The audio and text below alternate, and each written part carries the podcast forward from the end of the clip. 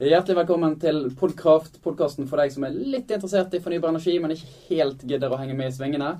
Men fortvil ikke, vi gjør det for deg. Eh, og mens vi gjør det, så forsøker vi selvfølgelig å lokke fram litt eh, motsetninger mellom våre to eminente gjester. Jørgen Gudmundsson, mannen med bilde av kongeparet som bakgrunnsteppe på Twitter. Og Lars Henrik eh, Pårud Mikkelsen, mannen bak valgkampslageren Sponheim, en revolusjonær på borgerlig side. Det, denne monarki-republikk-motsetningen burde jo danne et godt grunnlag. Velkommen skal dere uansett være. Takk. Tusen takk. Eh, finnes den låten fremdeles? Jeg prøvde å finne den eh, før i dag. Eh, ja, finnes den Jeg, jeg kan sikkert sende den. eh, Du kan skaffe den. Men det som skjedde, var jo vi jo nesten saksøkt av stedatteren til Che Guevara. Fordi at vi hadde grippet etter et av disse Che Guevara-bildene.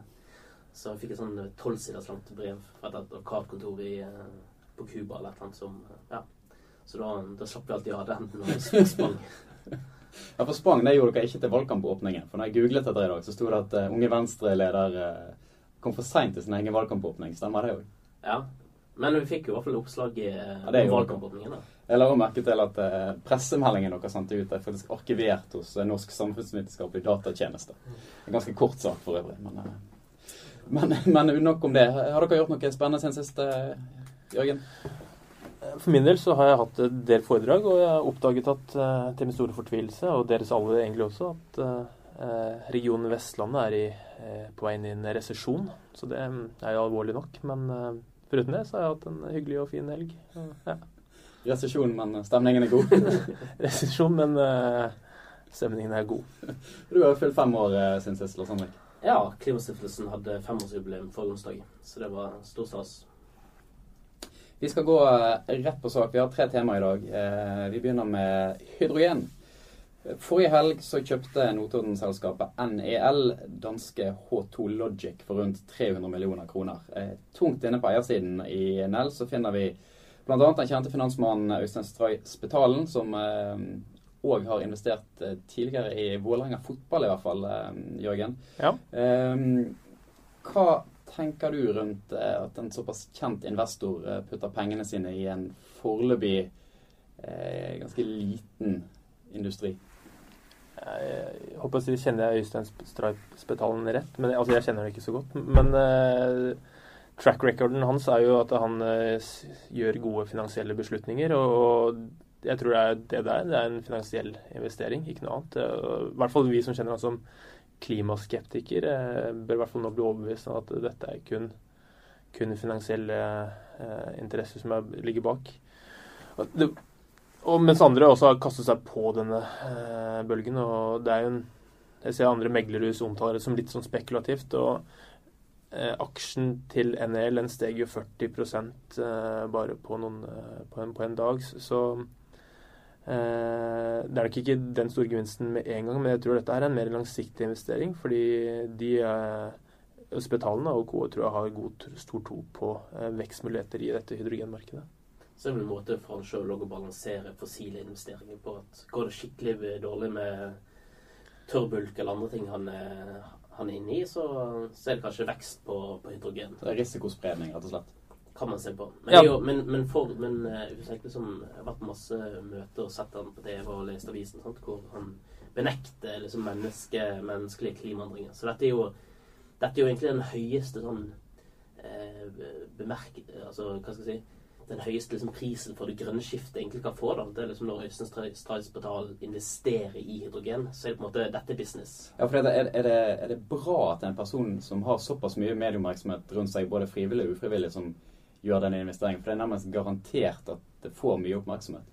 Jeg tenker i hvert fall at dette er udelt positivt. At eh, når han, altså han kunne investert i veldig masse annet. Så når han investerer i noe som eh, har potensial til å revolusjonere transportsektoren i klimariktig retning, så tenker jeg at det, det er veldig bra.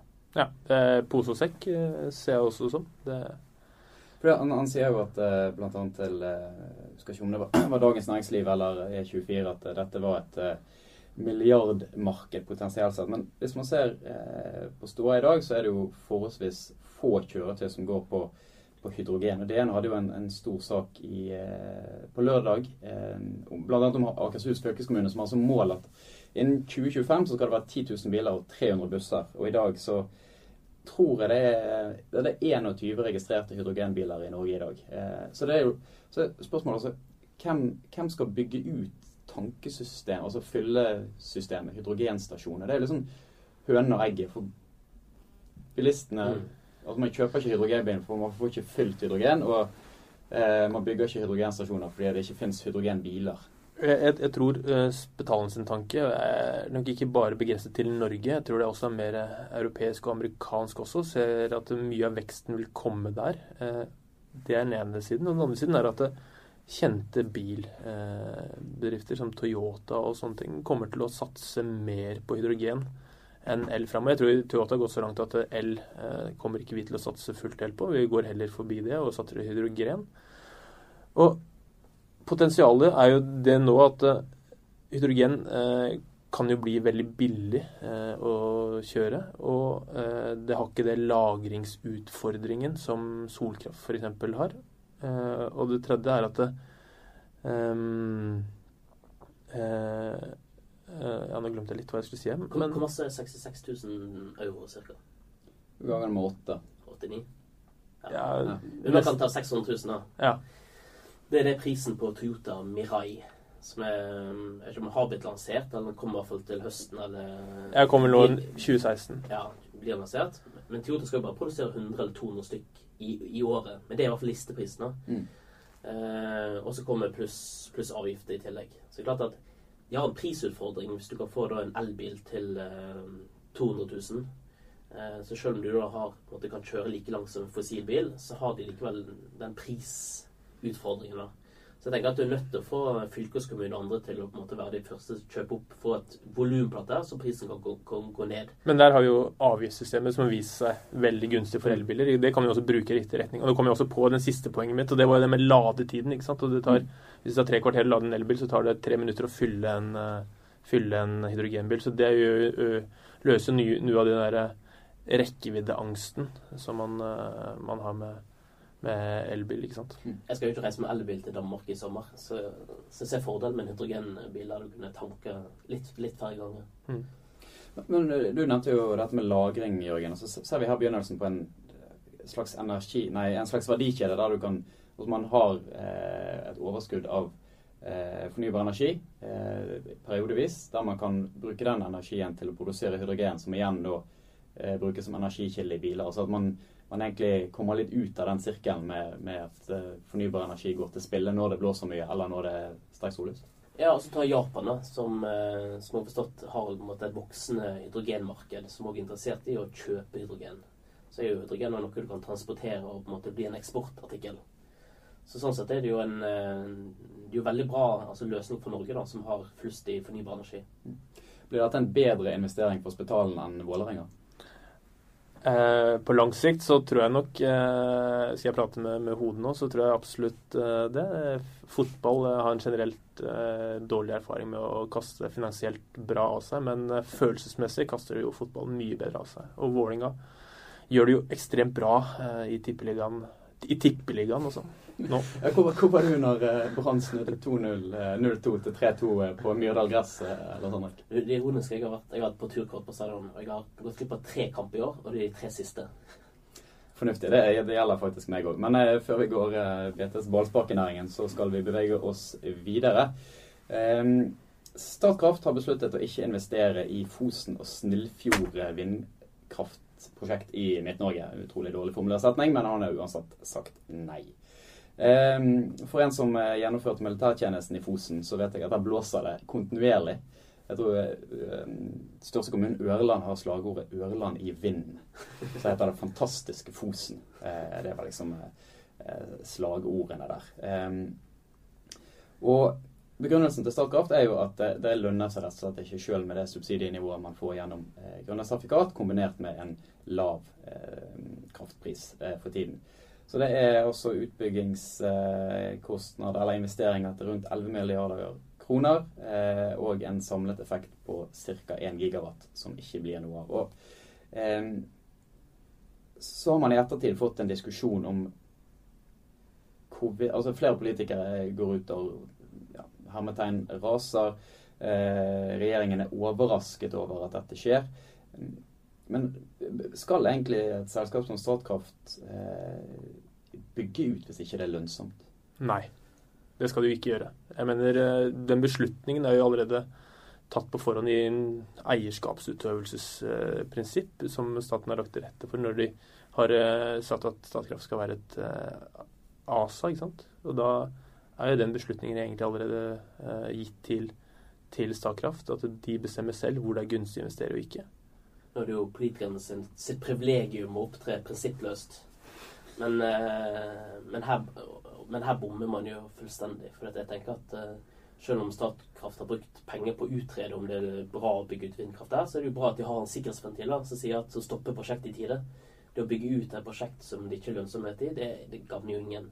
Og så tenker jeg at hvis man har litt visjoner for Statkraft, så bør man heller tenke på hvordan kan Statkraft heller bygge ut vindkraft andre steder i verden, der de har behov for masse fornybar energi, og der det er økonomi i prosjektene. Ja. Så jeg ville jo heller måte tenkt at OK, da bygger vi ikke i Nord-Trøndelag, men eh, vi kan bygge ut, ut andre steder i verden.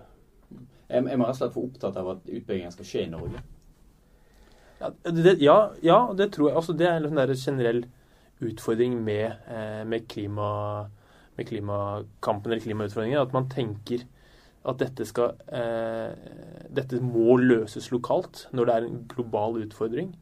Og jeg ser nå at nå, nå skal det bygges i Sverige istedenfor, og der eh, har man kommet fram til at det er lønnsomt. Og det kan være fordi at eh, eh, svenske selskapet har et lavere avkastningskrav. Eh, eller det er rett og slett rimeligere og, og, bedre løsninger der. sånn. Og, og det tenker jeg det er en fornuftig bruk av mine, dine og folkets penger. Altså, det kommer til å koste Jeg tror må, folk må være klar over at det kommer til å koste forferdelig mye penger å eh, tilpasse oss eh, Hvis vi skal tilpasse oss togradersmålet.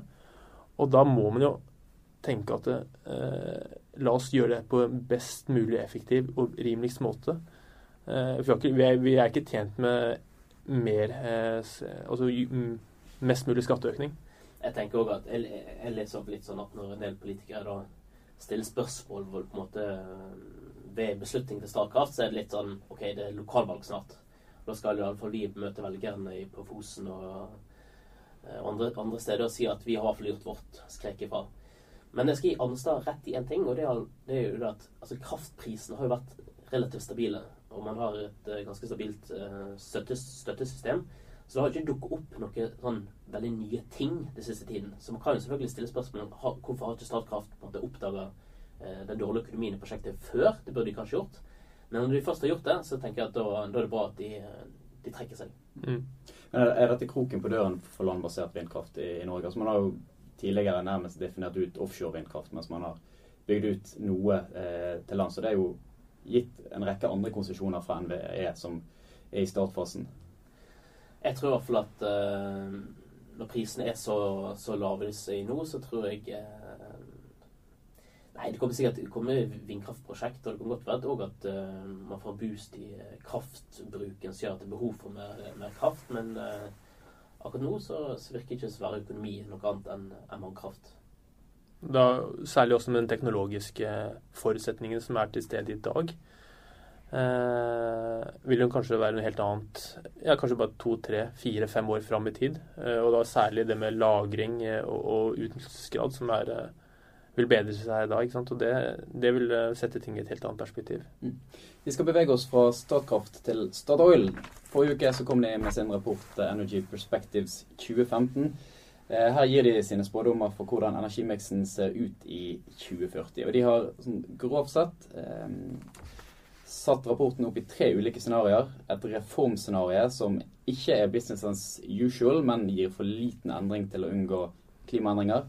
Et renewal-scenario hvor det trengs eh, Eh, som inneholder det som trengs for å redusere utslipp i tråd med togradersmålet, og Rivalry, som har elementer av høy usikkerhet og betydelig geopolitisk konflikt. Eh, og Statoil mener at det må en revolusjon til for å redde verden. Og Lars Henrik, som revolusjonær på borgerlig side, så, så, står vel du klar. Hva tanker gjorde du deg etter denne fremleggingen?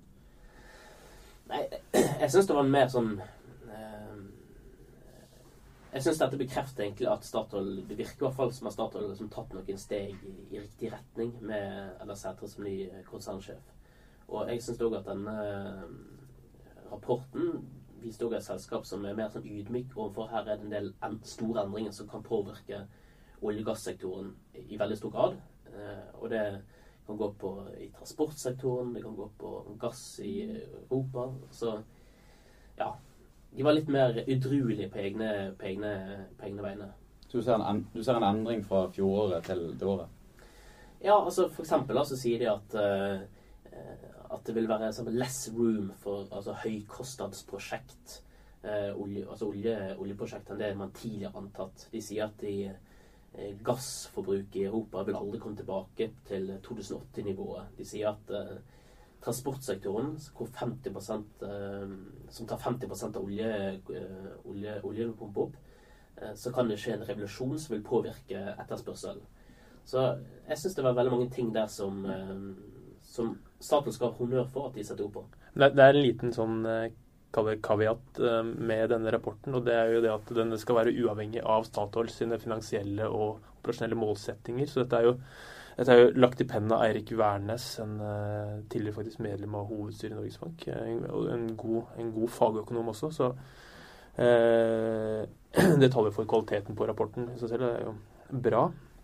Uh, det jeg fant interessant med denne rapporten her, er det, åpenbart velg én av tre. Så jo, man ønsker jo renewal. Det er der man søker seg. For det får man eh, best global vekst over tid eh, med minst mulig kostnader. Men det krever jo da en revolusjon i mix, eller en drastisk endring i miksen av energiinput. Og det er jo særlig da kull som står for en tredjedel, eller så for ja, ca. en tredjedel av eh, verdens energiproduksjon må jo da ned eh, til, eh, til halve. Men det skal fortsatt være kullproduksjon eh, i, i, dette scenarioet her. Men eh, gass og atomkraftverk eh, er det som løftes mest, da.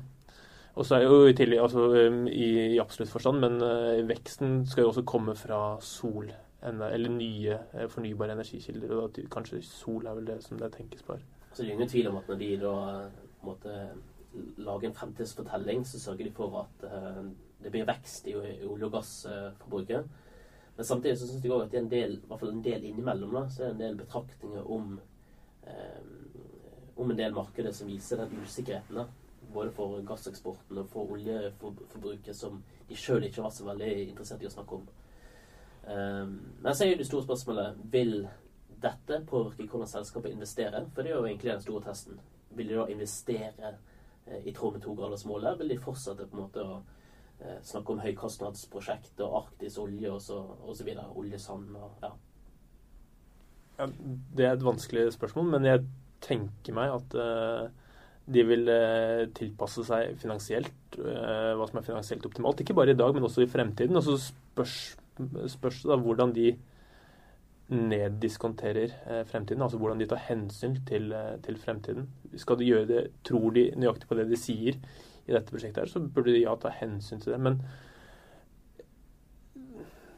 en annen viktig ting er også at man må se dette her i en, igjen, som jeg sa tidligere, en global sammenheng. altså Det er på en måte avhengig av at det er globale tilpasninger eh, og da reguleringer som, som legger føringer for hvordan man kan gjøre dette her, som jeg tror er det viktigste Eh, for, for, at Statoil og andre store selskaper skal Litt sånn morsom eh, parentes, da, det at eh, Tord Lien, som klagde på Europa som ikke ville eh, importere norsk gass, altså det var jo, man ikke fikk klare nok signal for Europa, så sa han at ja, ja, det er synd for Europa, for vi kan bare satse på LG. Men i denne rapporten til Statoil så skriver jo Statoil at eh, LG-markedet så, så, seiler man nå inn mot betydelig overskudd i markedet.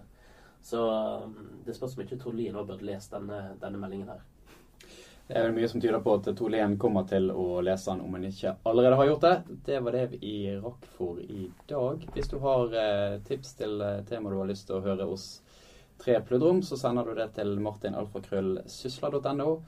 Vi snakkes igjen om eh, ja, en to ukers tid for en avsluttende sommerpodkast der vi legger reiseplaner for hvordan vi skal dekke klimatoppmøtet i Paris, kanskje.